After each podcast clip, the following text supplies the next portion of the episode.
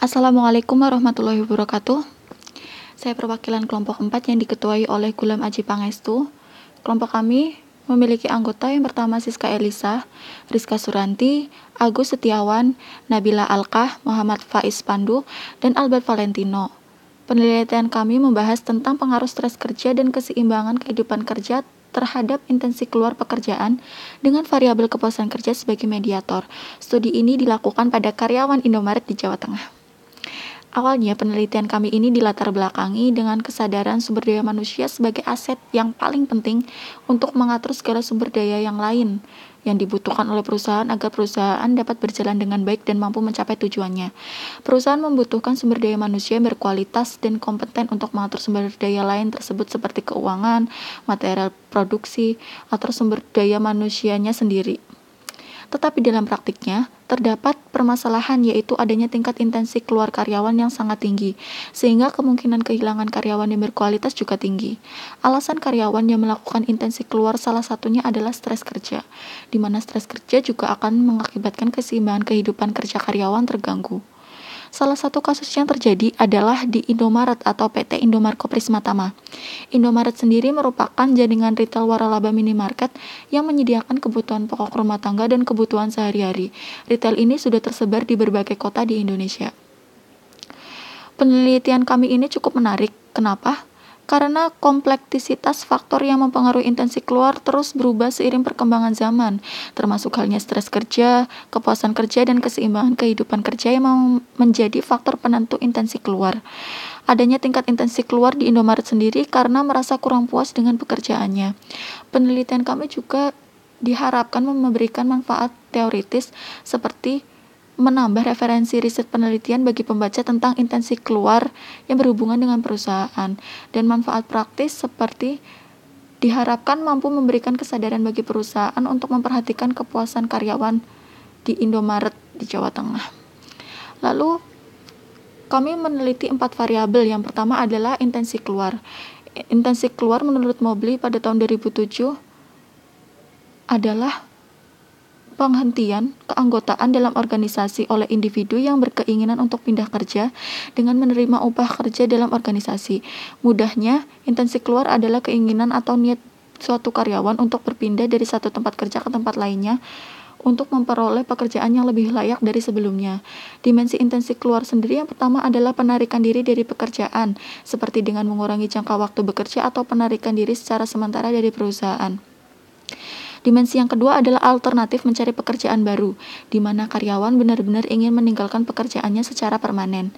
Indikator intensi keluar sendiri menurut Mobley pada tahun 2007 yaitu pikiran untuk berhenti yang dicerminkan individu untuk keluar dari pekerjaan atau tetap berada di lingkungan pekerjaan di mana hal diawali dengan ketidakpuasan kerja yang dirasakan oleh karyawan. Yang kedua adalah keinginan untuk meninggalkan yang dicerminkan individu untuk mencari pekerjaan pada organisasi lain. Yang ketiga adalah keinginan untuk mencari pekerjaan lain di mana karyawan telah berniat untuk keluar apabila telah mendapatkan pekerjaan yang lebih baik. Variabel yang kedua adalah stres kerja. Mangkunegara pada tahun 2000 menyatakan bahwa stres kerja merupakan perasaan yang menekan yang dialami karyawan dalam menghadapi sebuah pekerjaan.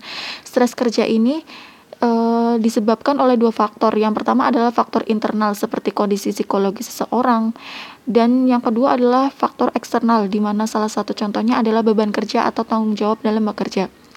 Menurut Mansur et al. pada tahun 2017, stres yang tinggi akan sangat tidak menyenangkan bagi karyawan sehingga mereka akan berusaha menghindarinya dengan menarik diri secara psikologis atau mengurangi keterlibatan dalam pekerjaan dan secara fisik meninggalkan pekerjaan seluruhnya. Dimensi stres kerja sendiri menurut Ivan Sevis dan Matheson pada tahun 1963 yang pertama adalah work overload atau beban kerja berlebih. Yang kedua adalah role konflik atau konflik peran. Yang ketiga adalah role ambiguity atau ambiguitas peran. Yang keempat adalah responsibility for people atau tanggung jawab. Lalu variabel selanjutnya adalah kepuasan kerja. Si Merangkil et al. pada tahun 2018 menyatakan kepuasan kerja sebagai sikap seseorang yang menunjukkan ke arah pekerjaannya, ditandai dengan perasaannya menyenangkan atau tidak menyenangkan berdasarkan kesesuaian antara apa yang diharapkan dan apa yang diperoleh. Dimensi kepuasan kerja sendiri menurut Robbins and Judge pada tahun 2013 yang pertama adalah pekerjaan itu sendiri seperti tugas, kesempatan belajar, dan tanggung jawabnya. Yang kedua adalah dimensi gaji, seperti sistem penggajian dan keadilan penggajian.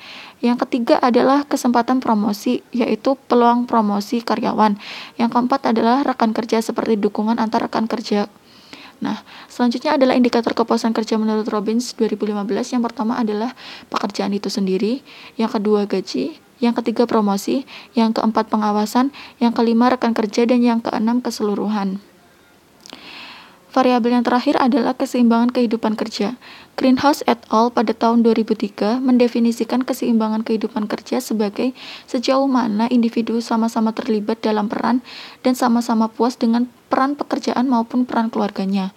Faktor yang mempengaruhi keseimbangan kehidupan kerja menurut Sobrak et al. pada tahun 2003 yang pertama adalah karakteristik kepribadian, bagaimana kondisi mental individu tersebut sendiri, dan yang kedua adalah karakteristik keluarga, yaitu situasi dan kondisi keluarga. Yang ketiga adalah karakteristik pekerjaan, bagaimana suasana dari pekerjaan, kondisi atau situasi pekerjaan, dan bagaimana pekerjaan tersebut dapat mempengaruhi si karyawan. Dan yang keempat adalah sikap.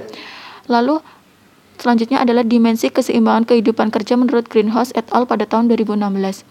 Yang pertama adalah work interference with personal life. Hal ini mengacu pada sejauh mana pekerjaan mengganggu kehidupan pribadi. Nah, yang kedua adalah personal life interference with work. Hal ini mengacu pada sejauh mana kehidupan pribadi mengganggu pekerjaan. Yang ketiga adalah personal life enhancement of work, yang mengacu pada sejauh mana kehidupan pribadi meningkatkan performa individu. Yang keempat adalah work enhancement of personal life, yang mengacu pada sejauh mana pekerjaan meningkatkan kualitas kehidupan pribadi seseorang. Indikatornya sendiri menurut Greenhouse pada tahun 2016 yang pertama adalah time balance yang merupakan keseimbangan waktu untuk berperan dalam keluarga maupun dalam bekerja. Yang kedua adalah involvement balance yang merupakan keseimbangan peran antara pekerjaan dan keluarga. Yang ketiga adalah satisfaction balance atau uh, keseimbangan kepuasan. Misalkan karyawan puas akan pekerjaan di kantor serta puas dengan keadaan di luar kantor. Lalu kami mengambil model penelitian keseimbangan kehidupan kerja sebagai X, per, X1, stres kerja sebagai X2, kepuasan kerja sebagai variabel mediasi, dan intensi keluar sebagai variabel Y. Metode penelitian kami menggunakan teknik pengumpulan data kuesioner yang disebar secara online di Google Forms.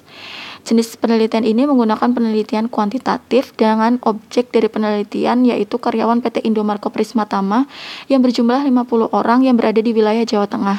Metode pengolahan data menggunakan sampling kuota. Analisis data sendiri menggunakan aplikasi SPSS 23. Lalu pengujian yang dilakukan yang pertama adalah uji validitas dan reliabilitas. Dalam uji validitas menghasilkan semua item instrumen pada empat variabel dikatakan valid.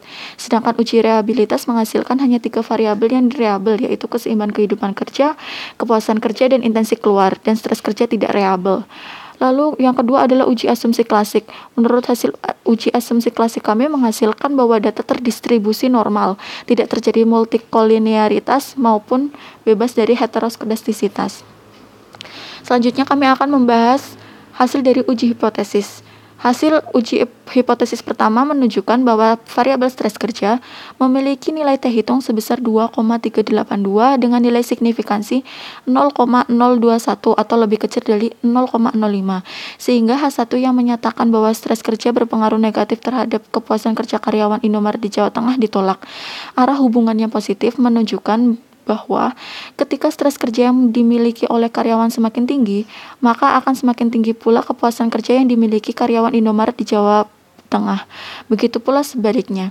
Uji hipotesis 2 menunjukkan bahwa variabel keseimbangan kehidupan kerja memiliki nilai T hitung sebesar negatif 1,603 dengan nilai signifikansi 0,116, yaitu lebih besar dari 0,05.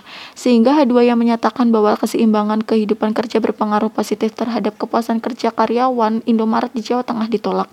Hasil penelitian ini mendukung hasil penelitian yang dilakukan oleh Shanafeld et al. pada tahun 2016 yang menyatakan bahwa keseimbangan kehidupan kerja berpengaruh negatif terhadap kepuasan kerja.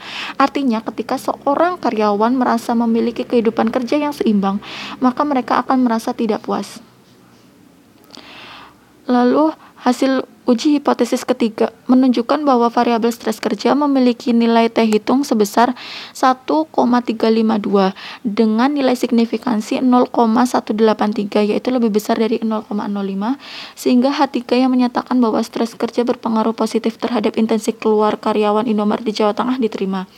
Hasil penelitian ini mendukung hasil penelitian yang dilakukan oleh Tong Chai Prasit et al. pada tahun 2016 yang menyatakan bahwa stres kerja berpengaruh positif terhadap terhadap intensi keluar.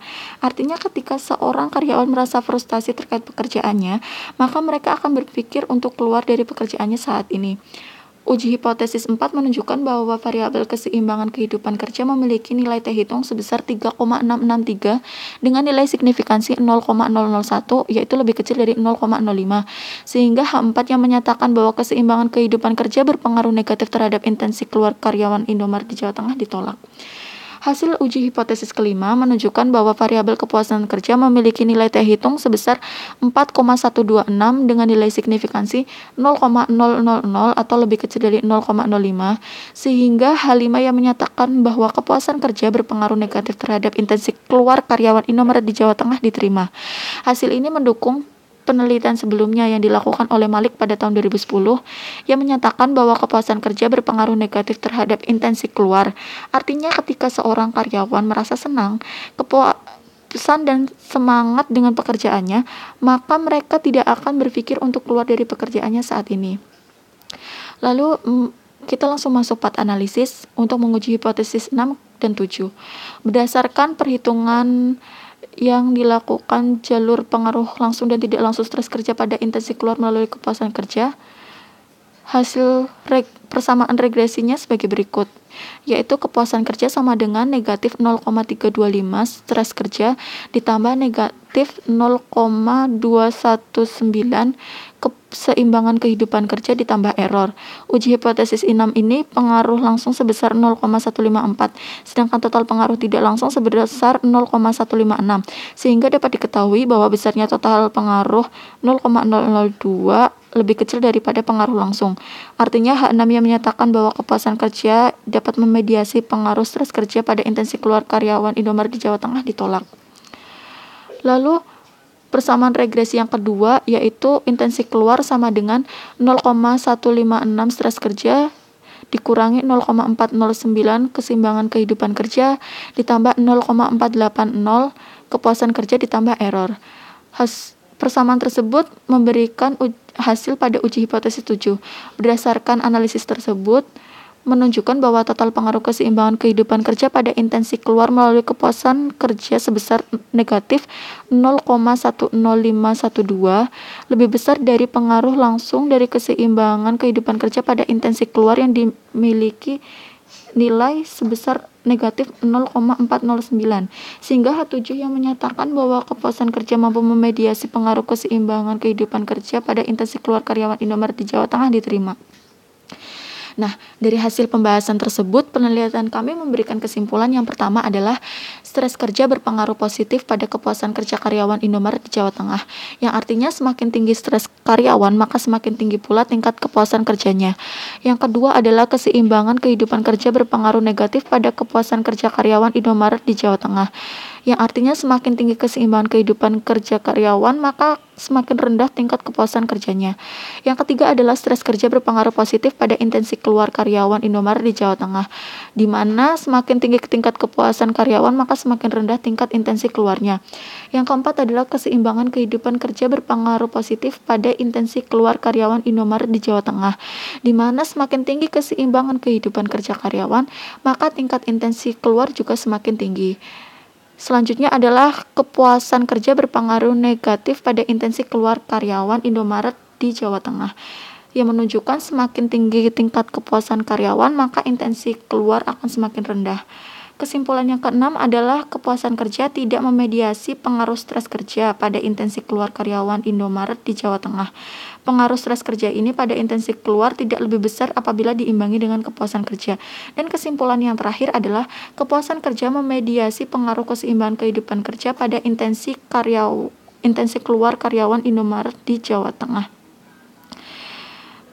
Nah, dari kesimpulan tersebut, kami memberikan saran penelitian untuk masa depan. Yang pertama adalah penelitian yang akan datang diharapkan untuk menambah sampel penelitian agar pengujian dapat dilakukan dengan lebih akurat. Yang kedua adalah penelitian yang akan datang diharapkan menggunakan objek yang berbeda. Lalu saran implikasi yang dapat dilakukan oleh perusahaan yang kami berikan yang pertama adalah perusahaan diharapkan lebih memperhatikan keseimbangan kehidupan kerja karyawan sehingga karyawan mampu menyesuaikan dan merasakan kepuasan pada pekerjaannya. Hal ini akan memberikan efek bagi karyawan untuk bertahan pada perusahaannya. Yang kedua adalah perusahaan diharapkan untuk memperhatikan pada tingkat stres karyawannya, karena hal tersebut akan mengurangi intensitas keluar karyawan. Demikian uh, hasil penelitian kami. Semoga bermanfaat. Apabila terdapat kekurangan ataupun kesalahan, kami mohon maaf yang sebesar-besarnya. Terima kasih atas perhatiannya. Wassalamualaikum warahmatullahi wabarakatuh.